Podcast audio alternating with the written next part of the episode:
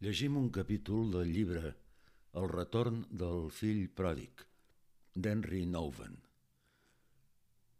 El fill gran se'n va. El fill gran era al camp.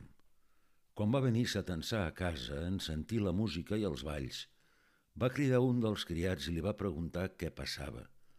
El criat li digué, el teu germà ha tornat i el teu pare ha matat el vedell gras perquè l'ha recurat sa. Ell va enfadar-se i no volia entrar.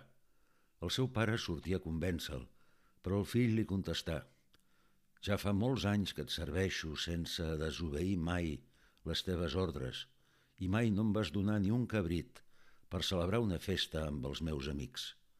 Però arriba aquest fill teu, que s'ha gastat el teu patrimoni en prostitutes i li mates el vedell gras.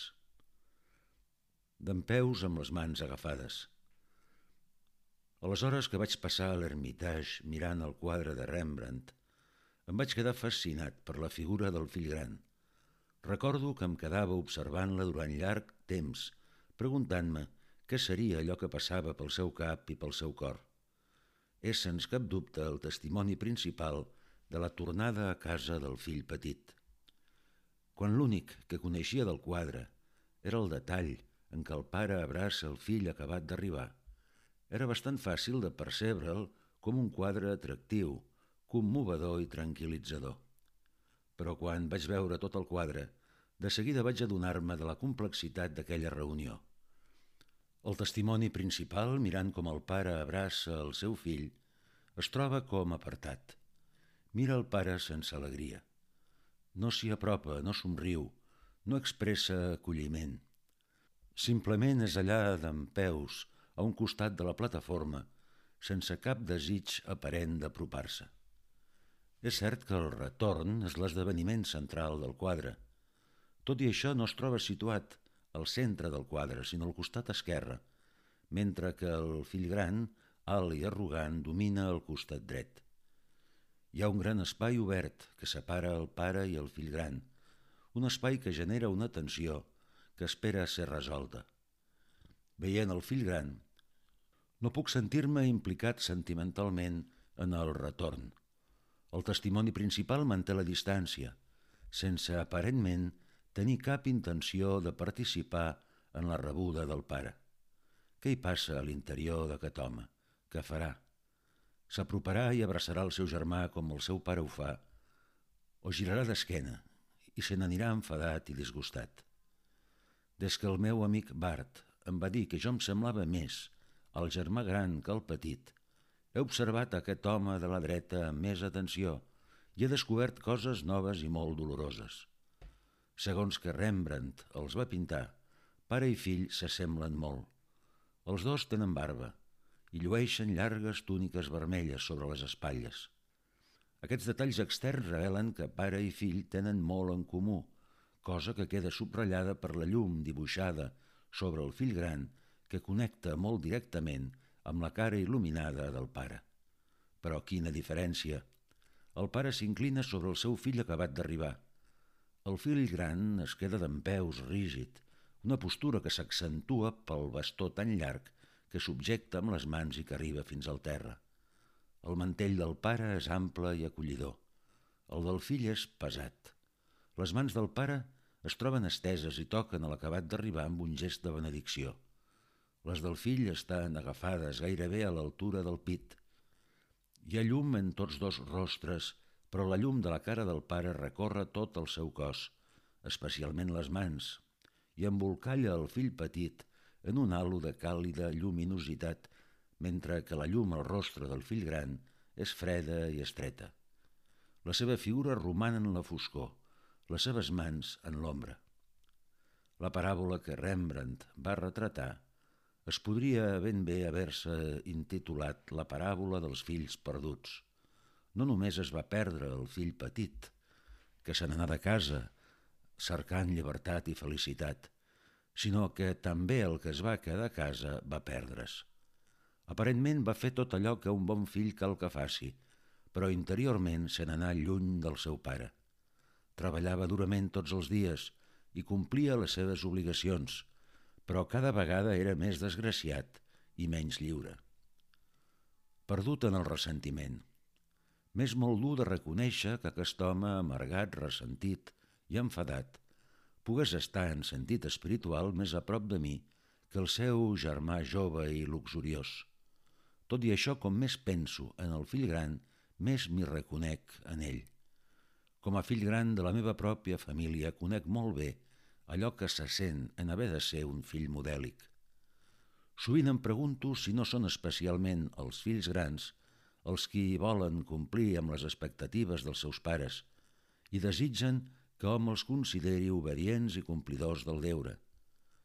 Sempre volen agradar i tenen por de desil·lusionar els seus pares, però també experimenten des de molt aviat una certa enveja envers els seus germans i germanes més petits, que semblen estar menys preocupats per agradar i semblen com més lliures per fer les seves coses. Aquest és el meu cas, i sempre m'he sentit atret d'una forma estranya a viure una vida desobedient que mai no he gosat dur a terme, però que he vist que molts la duien al meu voltant. Sempre he fet allò que havia de fer, complint els plans que organitzaven les diferents figures paternals amb les quals m'he trobat al llarg de la meva vida – professors, directors espirituals, bisbes i papes. Alhora em preguntava sovint per què mai no he tingut el coratge d'anar-me'n com va fer-ho el fill petit. Resulta estrany de dir això, però en el fons he tingut enveja del fill desobedient. Aquest és el sentiment que em ve quan veig els meus amics fruir fent tota mena de coses que jo reprovo. Deia que el seu comportament era reprensible, immoral fins i tot, però alhora em preguntava per què no tenia el coratge de fer totes aquelles coses, o almenys unes quantes. La vida obedient i servicial, de la qual em sento orgullós, la veig de vegades com una càrrega que se m'ha posat sobre les espatlles i que em segueix oprimint, a pesar d'haver-la acceptat fins al punt de ser incapaç de desprendre'm d'ella. No em costa gens d'identificar-me amb el fill gran de la paràbola que es queixava. Ja fa molts anys que et serveixo, sense desobeir mai les teves ordres i mai no m'has donat ni un cabrit per celebrar una festa amb els meus amics. En aquesta queixa, obediència i deure s'han convertit en una càrrega i el servei en esclavitud. Tot això se'm va presentar de forma molt clara quan un amic, que no fa pas massa va convertir-se al cristianisme, em criticà per no fer massa oració. Aquesta crítica em va enutjar molt. Em vaig dir, com s'atreveix aquest a donar-me lliçons d'oració? Durant anys ha dut una vida descuidada i indisciplinada, mentre que jo sempre he viscut una vida de fe. Ara es converteix i comença a dir-me com haig de comportar-me. Aquest ressentiment interior revela la meva pròpia pèrdua. M'havia quedat a casa, no me n'havia anat, però no duia una vida lliure a casa del pare. La meva ira i l'enveja eren una prova de la meva esclavitud. Això no només em passa a mi. Hi ha molts fills i filles grans que estan perduts a pesar de seguir a casa. I és aquesta pèrdua que es caracteritza pel judici i la condemna, la ira i el ressentiment, l'amargor i la gelosia, el que és tan perillós per al cor humà. Sovint pensem en la pèrdua com a actes que es veuen i que són espectaculars, el fill gran va pecar de manera visible. La seva perdició és òbvia. Va malgastar els seus diners, els seus temps, els seus amics, el seu propi cos. Allò que va fer estava malament. Ho va saber la seva família, els seus amics i ell mateix. Es va rebel·lar contra tota moralitat i es va deixar dur per la luxúria i la codícia. Després, havent vist que tota aquella conducta capriciosa no el portava més que la misèria, el fill petit s'ho repensà, va tornar i demanar perdó. Som davant del clàssic error humà que se soluciona de forma clara. Es comprèn i se simpatitza fàcilment amb ell. Tanmateix, la pèrdua del fill gran és molt més difícil d'identificar. Al cap i a la fi tot ho feia bé. Era obedient, servicial, complidor de la llei i molt treballador – la gent el respectava, l'admirava, el lluava i el considerava un fill modèlic. Aparentment, el fill gran no tenia errades, però quan veié l'alegria del seu pare pel fet que el seu germà petit hagués tornat, un poder obscur va sortir a la llum. De sobte apareix la persona ressentida, orgullosa, severa i egoista que es trobava amagada i que amb els anys s'havia fet més forta i poderosa. Mirant el meu interior i mirant les persones que m'envolten, em pregunto què farà més mal, la luxúria o el ressentiment. Hi ha molt de ressentiment entre els justos i els rectes. Hi ha molt judici, condemna i prejudici entre els sants. Hi ha molta ira entre la gent que està tan preocupada d'evitar el pecat. La pèrdua del fill ressentit és tan difícil de reconèixer perquè està precisament lligada al desig de ser bo i virtuós. Només jo sé els esforços que he fet per ser bo, agradable, perquè se m'accepti i per ser un exemple que calgui imitar. Tota la vida m'he esforçat per evitar les situacions que em condueixen al pecat. Sempre he sentit pànic de caure a la temptació, però al costat d'això s'hi trobava també la seriositat, la moralitat, fins i tot un cert fanatisme que feia que em resultés cada cop més difícil sentir-me a gust a casa del pare.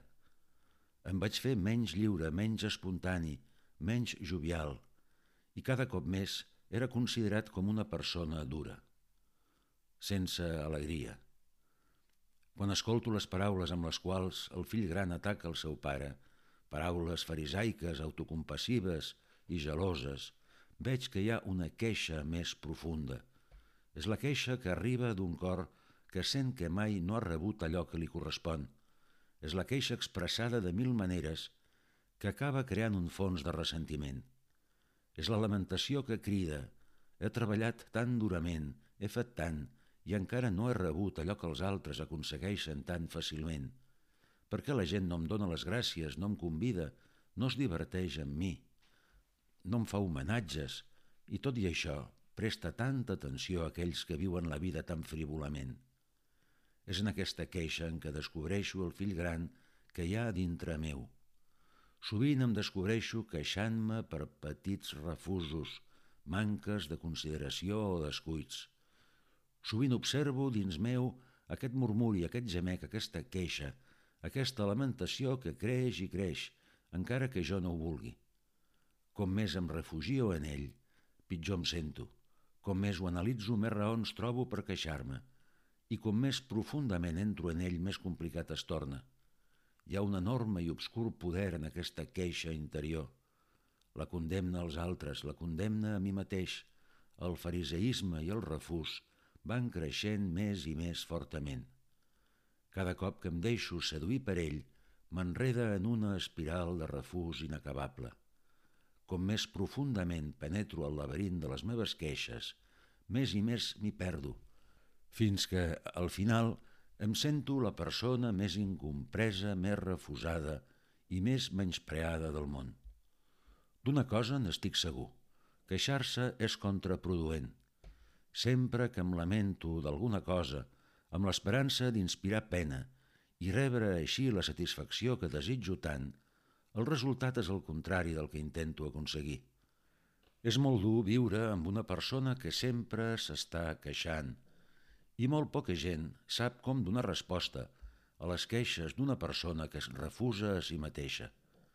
El pitjor de tot és que, generalment, la queixa, un cop expressada, porta allò que vol evitar, més refús. Des d'aquesta perspectiva es comprèn la incapacitat del fill gran per compartir la joia del pare. Quan tornava a casa des del camp va sentir música i cants, Sabia que hi havia alegria a la casa. De seguida començà a sospitar. Un cop que la queixa entra en nosaltres, perdem l'espontaneïtat fins al punt que ja ni tan sols la joia evoca alegria en nosaltres. La història es conta. Va cridar un dels criats i li preguntar què passava. Aquí brolla la por que m'hagin exclòs una altra vegada. Que no em contin què és allò que passa. A quedar-me al marge de les coses. La queixa sorgeix immediatament. Què és tot això? Per què no se me n'informar? El criat, ple d'expectació, confiat i desitjant compartir la bona notícia explica «El teu germà ha tornat i el teu pare ha matat el vedell gras perquè l'ha recobrat sa. Però aquest crit de joia no pot ser ben rebut.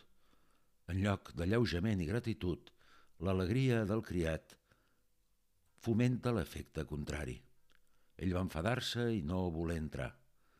Alegria i ressentiment no poden coexistir. La música i els cants, en lloc de convidar l'alegria, es converteixen en causa d'un refús més gran. Recordo molt bé d'haver viscut situacions semblants. Una vegada em sentia sol i li vaig demanar a un amic que sortís amb mi. Em va contestar que no tenia temps i tot i això una mica més tard me'l vaig trobar en una festa a casa d'un amic comú. En veure'm em digué, vine, uneix-te a nosaltres, me n'alegro de veure't però jo estava tan enfadat per no haver sabut res de la festa que era incapaç de quedar-me. Se'n varen despertar en el meu interior totes les meves queixes per no ser acceptat i estimat i vaig abandonar l'habitació fent un cop de porta. Era incapaç de participar de l'alegria que allà s'hi respirava. En un moment l'alegria d'aquella cambra s'havia convertit en font de ressentiment. Aquesta experiència de ser incapaç de compartir l'alegria és l'experiència d'un cor ple de ressentiment. El fill gran no podia entrar a casa i compartir la joia del pare. Les seves queixes l'havien paralitzat i van deixar que fos embolcallat per la foscor. Rembrandt va percebre la significació més profunda de tot això quan va pintar el fill gran al costat de la plataforma on és rebut el fill petit per part del pare. No va representar la celebració amb els músics i la gent que ballava, aquests eren simplement els signes externs de la joia del pare. L'única senyal de la festa és el retrat d'un flautista assegut, pintat a la paret, al costat d'una de les dones, la mare del pròdig. En lloc de la festa, Rembrandt va pintar llum, la llum radiant que embolcalla el pare i el fill. La joia que Rembrandt retrata és l'alegria serena de la casa de Déu. En la història on pot imaginar-se el fill gran fora, en la foscor, sense voler entrar a la casa il·luminada i serena de sons alegres. Però Rembrandt no pinta el seu quadre una casa o camps, sinó que fa un retrat a base de llum i d'ombres. L'abraçada del pare plena de llum és la casa de Déu. La música i els balls són allà. El fill gran és fora del cercle d'aquest amor, negant-se a entrar. La llum en el seu rostre deixa clar que ell també és cridat a l'alegria, però no se'l pot forçar. De vegades la gent es pregunta què li va passar al fill gran? Es va deixar convèncer pel seu pare? Va entrar finalment a casa i va participar a la celebració. Va abraçar el seu germà i va donar-li la benvinguda, tal com el seu pare havia fet. Va seure a taula amb el seu pare i el seu germà per fruir del banquet amb ells ni el quadre de Rembrandt, ni tampoc la paràbola, ens parlen de la voluntat del fill gran de deixar-se trobar. Vol el fill gran reconèixer que ell també és un pecador necessitat de perdó. Desitja reconèixer que no és millor que el seu germà. Em quedo sol amb aquestes preguntes, així com no sé si el fill petit va acceptar el banquet o com va viure amb el seu pare després de tornar a casa Tampoc no sé si el gran alguna vegada es va reconciliar amb el seu germà, amb el seu pare o amb ell mateix. El que sí conec amb una certesa inquebrantable és el cor del pare. És un cor ple d'una misericòrdia infinita. Una qüestió oberta. A diferència dels contes de fades, la paràbola no té un final feliç. Ben al contrari, ens posa cara a cara amb una de les qüestions espirituals més difícils, confiar o no confiar en l'amor de Déu que ho perdona tot. Jo sóc l'únic que pot escollir, ningú no ho pot fer en lloc meu. En resposta a les seves lamentacions, a que t'acull els pecadors i dina amb ells, Jesús compara els fariseus i els escribes amb el retorn del fill pròdig i amb el fill gran ressentit. Tot això va haver de ser un cop molt dur per a aquella gent tan obedient i religiosa.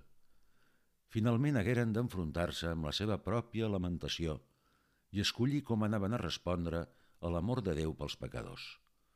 Seurien amb ells a taula com ho feu Jesús? Això era i és un repte autèntic, per a ells, per a mi, per a qualsevol que estigui ple de ressentiment i se senti temptat a viure queixant-se. Com més sento el fill gran al meu interior, em faig més conscient de com n'està d'arrelada aquesta forma de perdre's i com n'és de difícil de tornar a casa des d'aquesta situació. Sembla molt més fàcil tornar des d'una aventura de luxúria que tornar des d'una ira freda que s'ha anat arrelant en els racons més profuns de mi mateix. El meu ressentiment no és quelcom que es pugui distingir amb facilitat o que pugui ser tractat de forma racional. És molt més perillós, allò que s'uneix al que és més profund de la meva virtut. O és que potser no és bo ser obedient, servicial, complidor de les lleis, treballador i sacrificat. Les meves rancúnies i queixes semblen estar misteriosament lligades a aquestes actituds elogiables. Aquesta connexió em desespera. Just en el moment en què vull parlar o actuar des d'allò que és més generós de mi mateix, em trobo atrapat en la ira i la rancúnia, i com més desinteressat vull ser, més m'obsessiono perquè m'estimin. Com més ho dono tot jo de part meva perquè alguna cosa surti bé, em pregunto més per què els altres no ho donen tot com faig jo. Quan penso que sóc capaç de vèncer les meves temptacions, sento més enveja envers els qui cedeixen a aquestes temptacions. Sembla que allà on es troba el meu jo millor, s'hi troba també el meu jo ressentit i ple de queixes. I és aquí on em trobo cara a cara amb la meva veritable pobresa. Sóc incapaç d'acabar amb els meus ressentiments. Es troben tan profundament ancorats dintre meu que arrencar-los semblaria més o menys com una autodestrucció. Com erradicar aquestes rancúnies sense acabar també amb les meves virtuts? Pot el fill gran que està en el meu interior tornar a casa? Pot ser trobat com ho fou el fill petit? Com puc tornar, quan estic perdut en la rancúnia, quan em trobo atrapat per la gelosia, quan sóc presoner de l'obediència i del deure, viscuts com esclavatge? És clar que jo sol no puc trobar-me.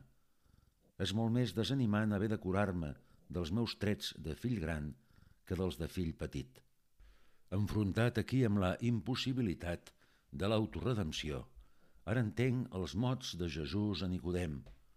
Que no et causi, doncs, tanta sorpresa el que t'he dit. Heu de néixer novament. És a dir, ha de passar alguna cosa que jo no puc fer que passi. Jo no puc tornar a néixer, és a dir, no ho puc fer amb les meves pròpies forces, amb la meva ment, amb les meves idees. No tinc cap dubte de tot això perquè ja vaig intentar en el passat guarir-me jo tot sol, de les meves rancúnies i de les meves queixes, i vaig fallar, i vaig fallar fins que vaig estar a la vora de l'enfondrament, fins i tot de l'esgotament físic. Jo només puc ser guarit des de dalt, des d'allà on actua Déu. El que per mi és impossible, és possible per a Déu. Per a Déu no hi ha res impossible.